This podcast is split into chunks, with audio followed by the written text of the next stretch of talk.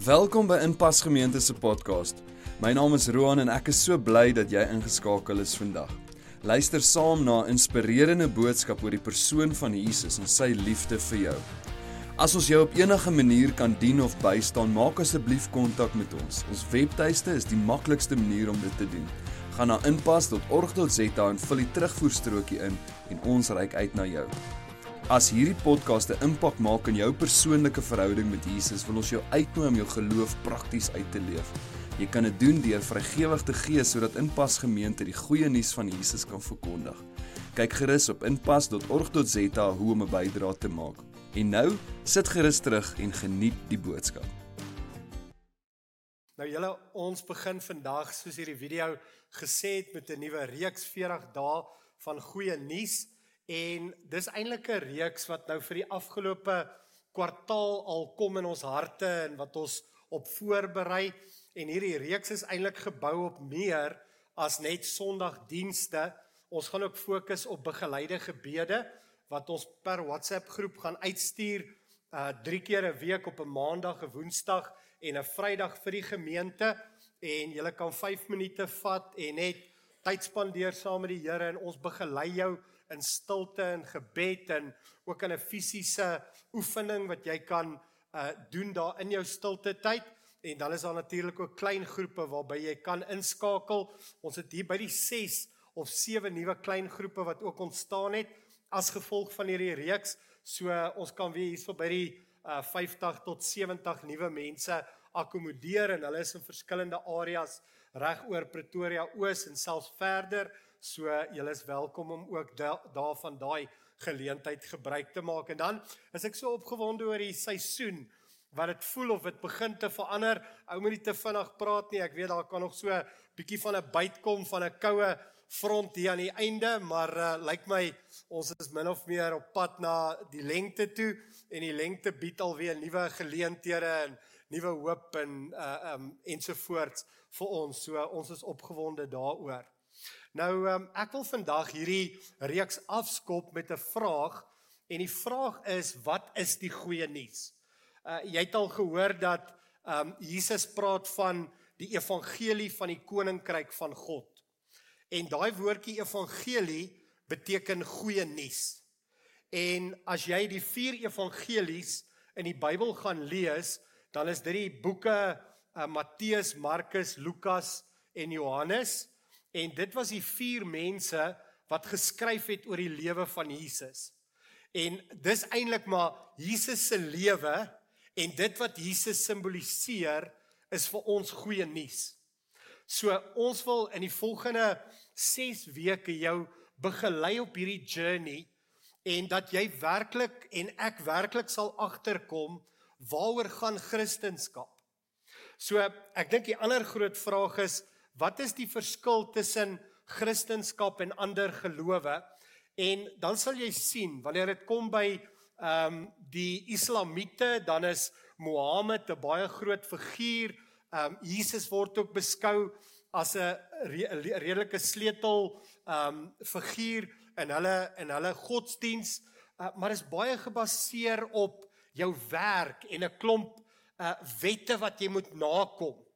As jy weer gaan kyk na um, 'n um, geloof soos byvoorbeeld daar in Indië waar hulle 'n klomp verskillende gelowe het, um, die Hindus, da, dan is daar alles is 'n god. 'n Koei is 'n god, 'n sprinkaan is 'n god, 'n sous is 'n god, 'n boom is 'n god, 'n palm is 'n god en hulle het 'n klomp verskillende betekenisse aan hierdie gode, range en gewig aan hierdie gode kom plaas en jy kan jou rustigheid, jou vrede kan jy gaan vind in daai God.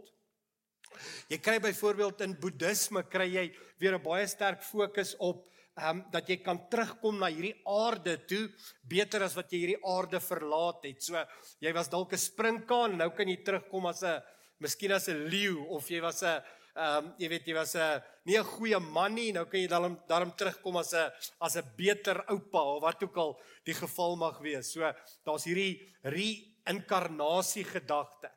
Party van die gelowe steek kersse aan, ander is weer baie sterk gefokus op simbole en uiterlike rituele en manifestasies. Die vraag is waarop fokus Christendom? Ehm um, as as jy dit in een sin of in twee woorde kan opsom, wat sal jy sê wat is Christendom? En dis eintlik julle maar net twee woorde, twee moeilikerige woorde, woorde wat ons eintlik nie meer gebruik nie, maar maar kom ek gee vir julle die woorde.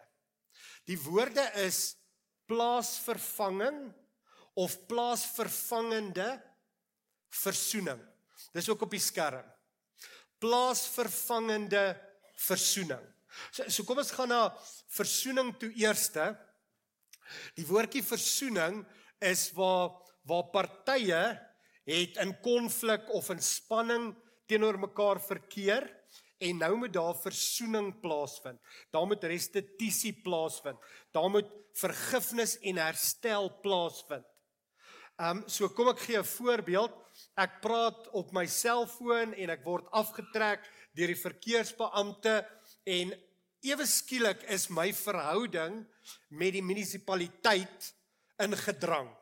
Hulle gee vir my 'n R1000 se se boetekaartjie en voordat ek nie daai boetekaartjie afgehandel betaal het nie, is ek nie in versoening nie.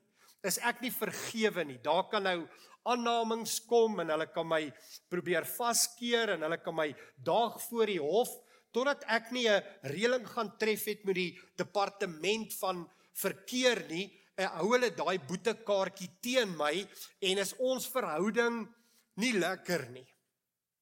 Dit gaan nie goed met ons verhouding nie. So die oomblik wat ek dit gaan betaal, is ek versoen met die munisipaliteit of die regering, die verkeersdepartement. Plaasvervanger, kan julle onthou toe julle op skool was en die wiskunde juffrou het swanger geraak en daar moes 'n plaasvervanger juffrou vir haar instaan, 'n nuwe juffrou vir 3 maande en party van julle het net vergifnis nodig vir die manier hoe julle die plaasvervanger juffrou hanteer het, nê. Nee. Um, maar maar ons ken die hele ding ook van plaasvervangers. Hulle het nou die rugby span gekies. Daar kan net 15 speel, daar gaan 33 saam. Nou ek weet nie of julle kan onthou nie, maar verlede jaar of verlede keer met die met die wêreldbeker dink ek was daar 'n spesifieke plaasvervanger wat nie 'n enkele game gespeel het nie. Maar maar in ons geval ehm um, is daar plaasvervangers wat vir jou instaan. Ek kan nie vandag preek nie, ek is siek, iemand staan in vir my. Jy kan nie vandag werk nie, iemand staan in vir jou. Jy kan nie hierdie spesifieke taak verrig nie, iemand staan in vir jou. Nou Christendom is gebaseer op hierdie beginsel. Reg van die begin af sien ons hoe God 'n plaasvervanger gebruik om verzoening en vergifnis te bring in sy verhouding met jou. En dis eintlik maar waar ons vandag gaan praat, want dis wat die evangelie is. Dis soos 'n goue draad wat hardloop reg deur die Bybel wat vir my en jou hierdie plaasvervangende versoeningsgedagte gee. So as ek jou kan vat hier um en jy moet maar 'n bietjie saam beweeg asseblief Philip met die um kamera. Hierdie is 'n uitbeelding hier heel aan julle linkerkant waar jy hierdie mooi zebra vel sien wonder jy seker nou maar waar staan dit in die Bybel of waar kom dit voor? Ehm um, kan julle onthou God sê vir Adam en Eva hulle kan van al die bome se vrugte eet, maar die boom in die middel van die tuin van daai boom se vrugte as hulle daarvan eet, sal hulle sekerlik sterwe. En ons weet wat gebeur, die slang verlei die vrou, verlang die verlei die man en hulle eet van daai vrugte en ewe skielik word hulle vreeslik bang en hulle raak baie ehm um, ewe skielik is hulle naaktheid, hulle raak skaam vir mekaar. Voor die tyd het hulle nie die die die naaktheid raak gesien nie. Hulle het nooit die emosie van vrees en angs beleef nie en hulle gaan kruip weg en wat doen hulle? Hulle gaan maak vir hulle nou kom ons sê maar hierdie is nou hierdie is nou vye blare, nê? Dit ek weet dit is nie, maar hulle gaan maak vir hulle self klere met vye blare en hulle plak toe wat toegeplak moet word waar hulle nou die meeste skaam voel oor hulle liggame en hulle probeer hulle eie skuld en hulle eie skaamte en hulle eie vrees te bedek. God vra later, "Waar's julle?" En hy vra nie eintlik vir hulle waar's hulle in die tuin nie. Hy vra vir hulle, waar is julle ten opsigte van hierdie hierdie nuwe emosie? Hierdie nuwe angs waarmee julle leef? Hierdie onvergifnis, hierdie hierdie wrywing in julle verhouding met my. Dit was nog nooit voorheen so gewees nie. En God doen iets amazing. God kom nie na hulle toe en rukkie vye blare af en en trap hulle uit en sê vir hulle wat het julle nou gedink nie? Hy gaan en vir die heel eerste keer in die geskiedenis van die mens sterf daar iets. God gaan slag 'n die dier en hy vat die pels van daai dier en hy kom vou dit om die mens om die mens te bedek van sy sonde en sy skaamte. En van daar af sal daar 'n tendens vorm, 'n tendens ontstaan oor hoe God met die mens werk. Die mens het gesondag, die mens was ongehoorsaam, maar iets of iemand anders is 'n plaasvervanger wat verzoening bring vir die mens se sonde. Nou kom ek lees dit vir julle Adam en Eva. Genesis 3 vers 21. Hy sê: "Toe het die Here God vir die mens en sy vrou klere van vel gemaak en hulle dit laat aantrek." Hoeveel keer tot vandag toe probeer ek en jy nie met ons eie werke en ons eie dade ons sonde toe te smeer nie en te maak asof daar geen pyn en geen seer en geen huweliksprobleme en geen finansiële uitdagings en geen las is in ons lewe nie en ons plak dit toe met ons eie krag met ons eie vye blare wat ons vir onsself maak. In die tweede instansie sien ons en dit is die tweede uitbeelding hier is kan julle onthou Egipte die Israeliete is vir letterlik honderde jare is hulle die slawe van die Egiptenare. Hulle hulle is onder bondage. Hulle hulle werk hulle self mors dood aan hierdie sphinx en hierdie piramides en hierdie rykdom van Egipte. Nou Egipte is 'n is 'n teken of 'n simboliek van 'n sondige lewe. Van 'n van 'n lewe van slawerny waar jy gebuk gaan onder jy dra nie die las en die juk wat die Here vir jou het nie. Jy dra aan jou eie las. Jy dra aan jou eie juk. En dan vorm God 'n plan en hy sê vir Moses daar gaan 10 plaae kom. Die laaste plaag eh, as as nou jy weet nou is nou paddas en steekvliee en muskiete en water wat in bloed verander en pes onder die vee en donkerte en al hierdie goeters en dan sien ons die laaste plaag is die dood van die eersgeborenes van Egipte land. Maar as julle 'n bokkie vat of 'n lammetjie, 'n jaar oue lammetjie sonder enige gebrek, jou beste lammetjie vat en jy slag daai lammetjie en jy vat die bloed van daai lammetjie, jy smeer dit aan julle deurkusyne van julle huise, dan sal julle gespaar bly. En wanneer die doodsengel oor Egipte kom, sal julle nie sterf nie. Nou ek ehm um, verbeel myself dat ek vat my seentjie. Ons is 'n Joodse, jy weet, pappa en seentjie en nou stap ons daar na die na die veekraal toe en ons is daar by die skapies en ek vra vir my pa wat nou? Hy sê nee wel, dis wat God gesê het ons moet doen. Maar maar hierdie skapie verdien dit nie. Hierdie skapie het niks gedoen om ons te beskerm van hierdie slawerny nie van hierdie sonde nie as 'n mens dit so kan sê. Nou ons lees dit hier in Eksodus 12 vers 30. Die farao sy amptenare en al die mense van Egipte het in die nag wakker geword en opgestaan deur die hele Egipte, hoor hierdie hele, kon gehoor word hoe mense droewig huil. Daar was nie 'n enkele huis waarin daar nie iemand dood is nie. Ek wil hê Ek en jy moet die effek van sonde verstaan. Sonde se loon is verskrikking. Dis dood. Dis wat sonde doen. Hy maak mense vir ewig en vir altyd dood. Hy sny mense af van God af. Hy laat mense minder waardig voel. Hy laat mense nie hulle potensiaal bereik nie. Hy laat toe dat mense nie in God se vo volle roeping vir hulle lewe inbeweeg nie. Dis wat so dis die hartseer, die gebrokenheid, die smarte wat hulle daar beleef het. Eksodus 12, kom ons gaan aan. Hy sê of ons gaan net na daai vorige gedeelte. Hy sê ek sal daardie nag deur Egipte trek en in die land al die oudste seuns en die diere wat eerstegebore is doodmaak. Ek sal die gode van Egipte straf. Ek is die Here, die bloed wat julle aan julle kusyne gesmeer het, sal vir my 'n teken wees dat julle daar bly. As ek dit sien, sal ek daardie huis oorslaan. Die ramp wat ek oor Egipte laat kom, sal julle nie tref nie. Weereens Dit was nie my bloed nie. Ek moes myself nie sny of die pa moes sterf of die oudste seun moes sterf, sy bloed op die deurkusyne nie. In die huise van die Israeliete, al wat ons gedoen het is ons het ons lammetjie gevat. Hy moes vrek. Ons het hom gaar gemaak, ons het hom geëet.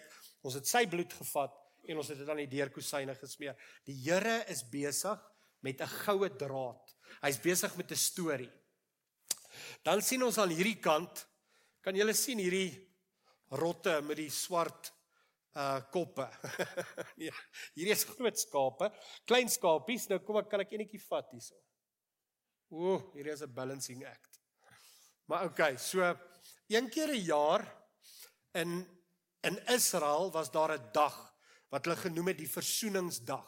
Ons gaan nou daarvan lees.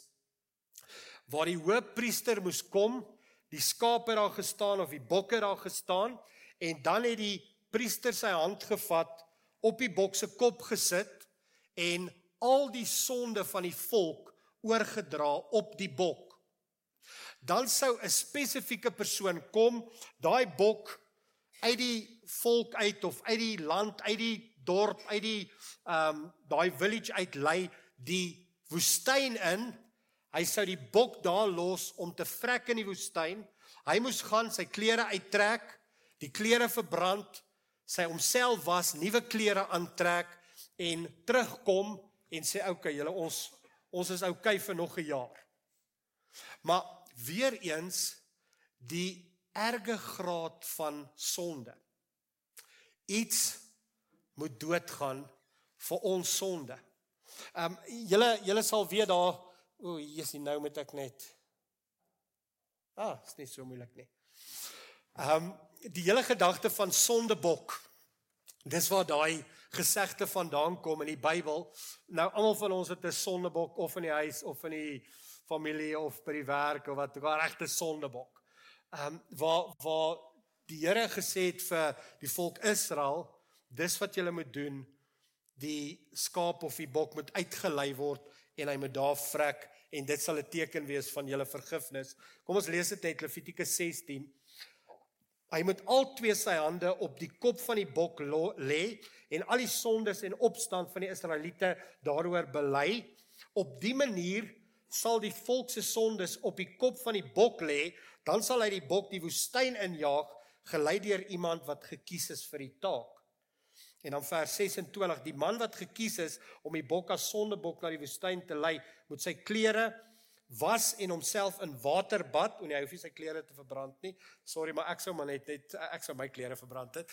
Maar in elk geval dan mag hy terugkeer uh, na die kamp toe. So weer eens, dis vir my so amazing en ek wil hê julle moet ons geloof sien. Julle moet sien hoe werk die Here met sonde. Hy hy gebruik iets anders om jou vergifnis teweeg te bring.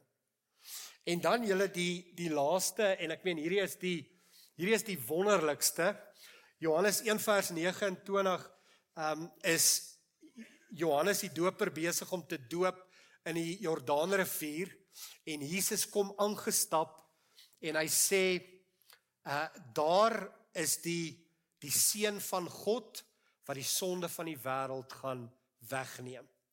En ek kan dink almal wat saam met Johannes die Doper in daai water staan, moet dink um daar was nou 'n dier geslag. Sy pels is oor ons gegooi. Ons moes skape as 'n teken van ons vergifnis wat die Here vir ons gee, moes ons slag. Ons moes hulle bloed aan die deurkusyne verf. Daar moes jaarliks moes daar 'n offer gewees het van bokke wat moes sterf vir ons sonde. Nou praat jy van Daar's die lam van God wat die sonde van die wêreld gaan wegneem.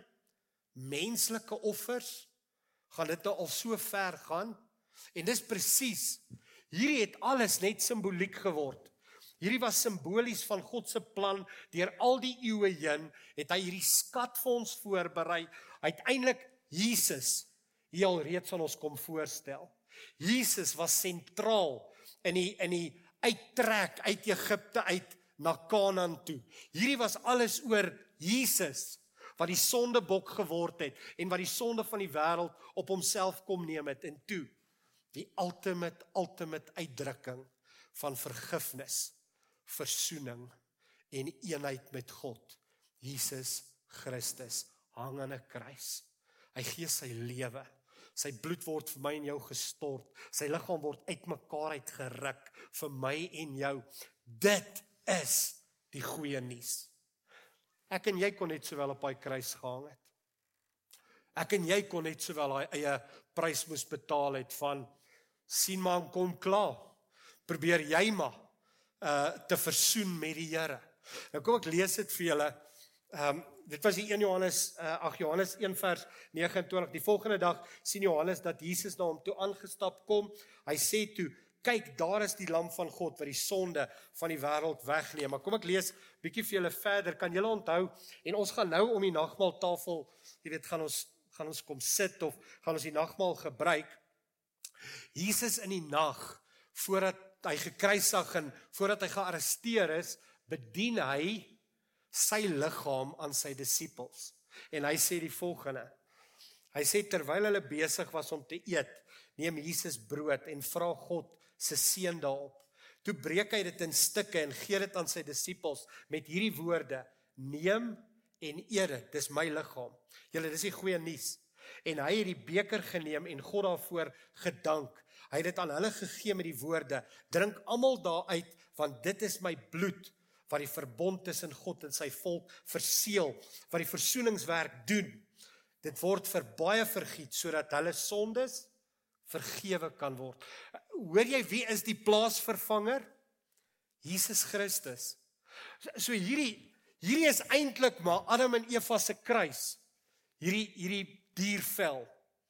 Hierdie is eintlik maar die Israeliete se kruis. Die volk Israel met die bokke, dit is eintlik hulle kruis, 'n simbool van hulle kruis en ons het dan natuurlik die die ultimate kruis, die wete van wat Christus vir ons kom doen het. As enigiemand jou vra wat is die goeie nuus, dan sê jy nie vir hulle jy's ons het 'n oulike gemeente in pas gemeente nie. Dis nie goeie nuus nie. 'n Gemeente is nie goeie nuus nie. 'n Gemeente het baie flaws. Die pastoor ja groot nonsens aan. Die personeel weet nie altyd wat hulle doen nie. Die lidmate is stout. 'n Gemeente is nie jou redding nie nie 'n klein groep nie, nie 'n gebedsgroep nie. Nie sendingwerk is God se se antwoord vir die probleme van hierdie wêreld nie. Daar's net een goeie nuus. Jesus Christus het in my plek kom sterf en het my verhouding met God die Vader daardeur kom herstel. Dit is die antwoord van die goeie nuus. Niks, jy niks albei byvoeg nie. Moenie niks, moenie sê en nou het ons hierdie gemeente. Nee nee nee. Dit dit is die ultimate. Dit is die ultimate. Jesus Christus het vir my kom sterf in my plek. Ek moes eintlik gesterf het vir my sonde. En hy het my verhouding met God die Vader kom herstel. Daarom sê ons hy's die weg, die waarheid en die lewe. Niemand nie, nie 'n kerk nie, nie 'n sinode nie, nie 'n great groepie nuwe mense wat begin met huiskerke nie, niks van daai goed nie. Dis alles metodes, maniere. Hierdie is absoluut die goeie nuus. En julle dan die einde van alle tye. Openbaring 12 vers 11. Hoor hoe oorwin jy die die duiwel en die sonde? En hulle het hom oorwin deur die bloed van die lam en deur die woord van hulle getuienis en hulle tot die dood toe hulle lewe nie liefgehad nie. So nou begin ons te groei in die beeld en gelykenis van Christus. En ons lewens is ook nie meer so baie werd nie. As Jesus dit kon regkry Filippense 2 vers 9 en 10 dat hy het van sy koninklike posisie afstand gedoen en die gestalte van 'n mens, nog verder van 'n slaaf aangeneem. En hy het vir ander mense kom sterf. Hy het soos hulle geword om vir hulle te sterf en selfs al het hy nie sonde gehad nie, het hy sonde geword sodat die wat sonde het vergewe kom word. Daarom is ek en jy nie meer so lief vir ons lewe nie. Daarom is daar nie meer goedjies wat ons so vreeslik krap en pla nie. Bietjie 'n lang diens, bietjie 'n lang sing, bietjie 'n Engelse, bietjie 'n Afrikaanse, bietjie te veel van dit, bietjie te veel van dat. Ons het nie meer ons eie lewens lief nie.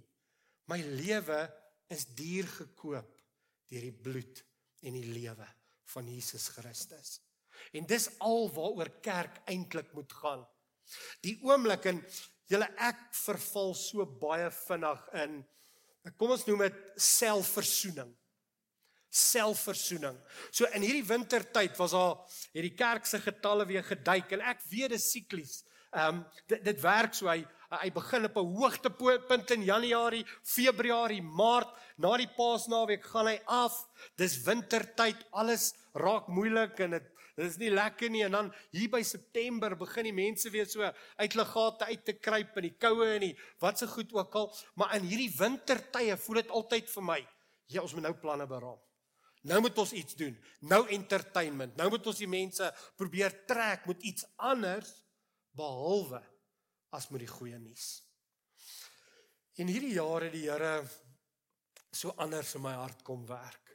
Eintlik het my begin voorberei al vir 'n vir 'n vir 'n aantal jare dat die kerk kan nie gebou word op selfversoening nie.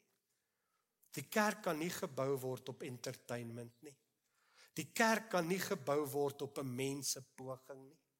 Die kerk kan net gebou word op die fondasie van Jesus Christus.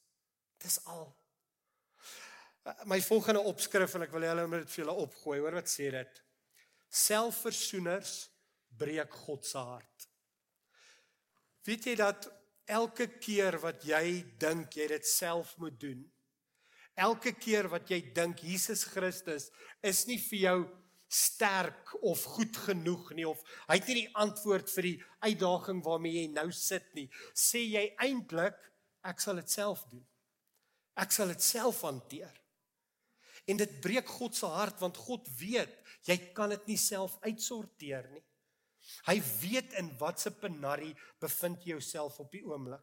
Met watse sonde ook al, met watse gevolge van daai sonde, met daai verslawing, wat dit ook al mag wees, hy weet waar jy is. En dan wil ons onsself uit hierdie probleem of uit hierdie gemors uit ehm um, wil ons onsself probeer kry met ons eie pogings. Weet jy wat en, en ek moet dit vir julle baie duidelik stel.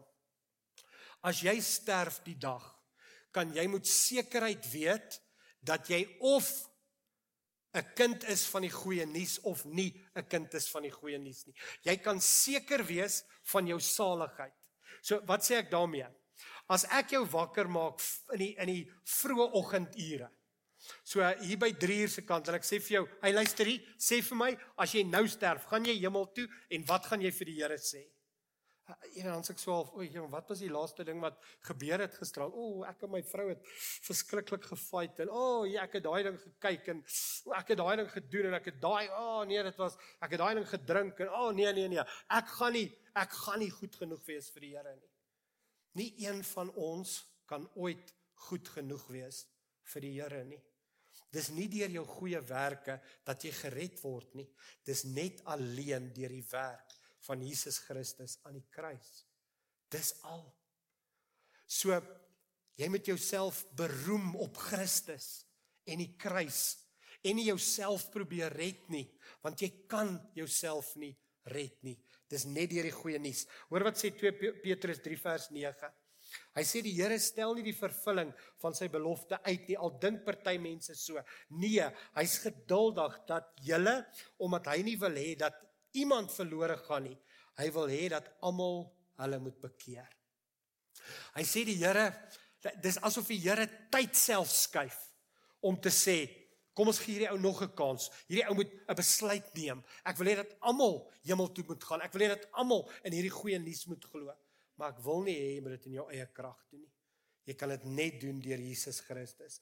En dan julle die laaste vraag waarmee ek wil afsluit is: Waar wanneer en hoe het dit met jou gebeur? Waar het jy bloed aan 'n deurkusyn geverf? Waar het jy gevoel die Here kom en 'n pels van 'n dier, bloederige pels van 'n dier om jou kom vou? Waar het jy gevoel is jou sonde op die kop van 'n lam of 'n bok oorgedra en die woestyn ingelei? Waar het jy by die voet van die kruis gekniel en gesê Here, hierdie is die goeie nuus wat ek in my lewe nodig het? Ons praat hier van wedergeboorte. Ons praat van bekering. Ons praat van ek was in beheer van my lewe. Ek is die leier van my lewe. Ek bepaal wat, wanneer en hoe. Maar jy het 'n punt in jou lewe bereik waar jy gesê het dit werk nie. Ek het nodig om totaal en al oor te gee aan die Here. Hy bepaal die wat, hy bepaal die hoe, hy bepaal die hoekom, hy bepaal waar, hy bepaal alles. En dit gaan nie meer oor my nie. Dit gaan oor hom. Ek wil my lewe kom aflê vir hom. En die Bybel sê dit is so maklik soos as jy met jou hart glo en met jou mond bely dat God Jesus Christus uit die dood uit opgewek het, sal jy gered word. Dit is so maklik soos dit. So kom ek vertel vir julle waar. Soos ek hierdie wanneer 1993 vir my. Uh waar AGS Meyersdal en hoe my vriend het is gedoop daai aand. Ons was 'n matriek gewees. Ek kom uit een van die drie susters kerke uit en die pastoor maak 'n uitnodiging en hy sê wie van julle glo dat Jesus Christus vir julle sonde gesterf het en dat hy julle verhouding met God kom herstel het. En ek staan daai aand op en my lewe sal nooit weer dieselfde gewees het nie. Het ek al sulke seisoene beleef in my verhouding met die Here? Ja natuurlik. Ek het al ek het al beleef, Here, dit gaan nie so lekker nie. Ek my gebedstyd is nie lekker nie. Ek connect nie lekker met die Bybel nie. Ek weet nie nou wat sê die Here vir my nie. Het ek al fantastiese tye saam met die Here beleef? Definitief. Ek dink ek's nou weer in 'n tyd wat wat ek so 'n bietjie 'n disconnect beleef wat ek nie voel jy's maar jy weet ek stap mos in my binnekamer in en dan bid ek en dit is lekker en ek ervaar die Here en wat ook al. Dit gaan nie altyd maanskyn en rose in enige verhouding nie maar ek is getroud met God die Vader deur Jesus Christus. Hy's my bruidegom en ek skyn nie net my bruidegom as dit moeilik moeilik gaan nie. Ek byt vas ek hou vas want hy hou my vas. Hy sal my nooit begewe en my nooit verlaat nie. My vraag is, wat's jou storie? Wat se jaar? Wat se plek? Hoe het dit gebeur? Het jy 'n storie? Het jy 'n getuienis? En selfs daai kinders, nou ek weet ons kinders het het groot geword in 'n huis um waar waar hulle dit kerk was altyd hulle lewe. Hulle praat van hulle het onder die kerkbanke groot geword. Hulle is letterlik by elke kerkaktiwiteit en dis amper moeiliker vir sulke kinders. Want wat is my datum? Wat is my storie? Die vraag dalk eerder is glo jy met jou hele hart en sal jy dit voor mense kan bely dat Jesus Christus het vir jou ingestaan vir jou sonde en dat hy jou verhouding met God die Vader versoen het. En as jy dit vandag kan erken en bely, dan is dit 'n dan deal. Dan glo jy in die goeie nuus van die evangelie van Jesus Christus. Titus 3 vers 5 en ek sluit af met hierdie teks.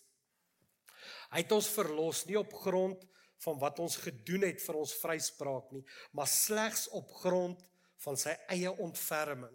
Dit het hy vermag deur die reiniging van die wedergeboorte en deur die Heilige Gees wat ons vernuwe. Ek en jy kan onsself nie red nie, dis net deur die stem van die Heilige Gees en ek wil jou vandag vra, ek wil jou eintlik uitnooi. Um, ek ek wil jou vra dat jy ontslaa raak. Kan kan ek jou ek pleit by jou. Raak ontslaa van hierdie goed. Raak ontslaa daarvan. Raak ontslaa van jou kerk baggage. Die kerk het jou goed kom leer wat jy so glo. Jy glo meer daarin as in Jesus Christus. Jy glo nie in die Bybel nie, jy glo in die kerk. En ek sê nie die kerk is verkeerd nie, ek weet ons is 'n kerk. Ons het 'n kerk begin.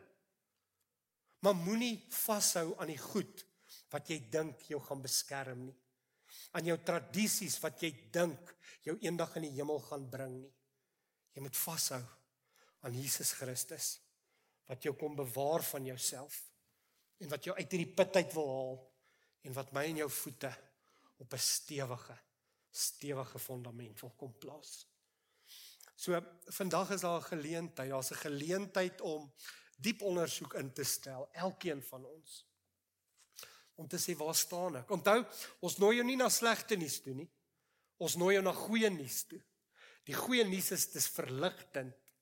Dit haal gewig af. Dit haal eie pogings af en dit vervang dit met die liefde, die ingrypende liefde van God die Vader. God is liefde en hy ontmoet jou vandag waar jy is.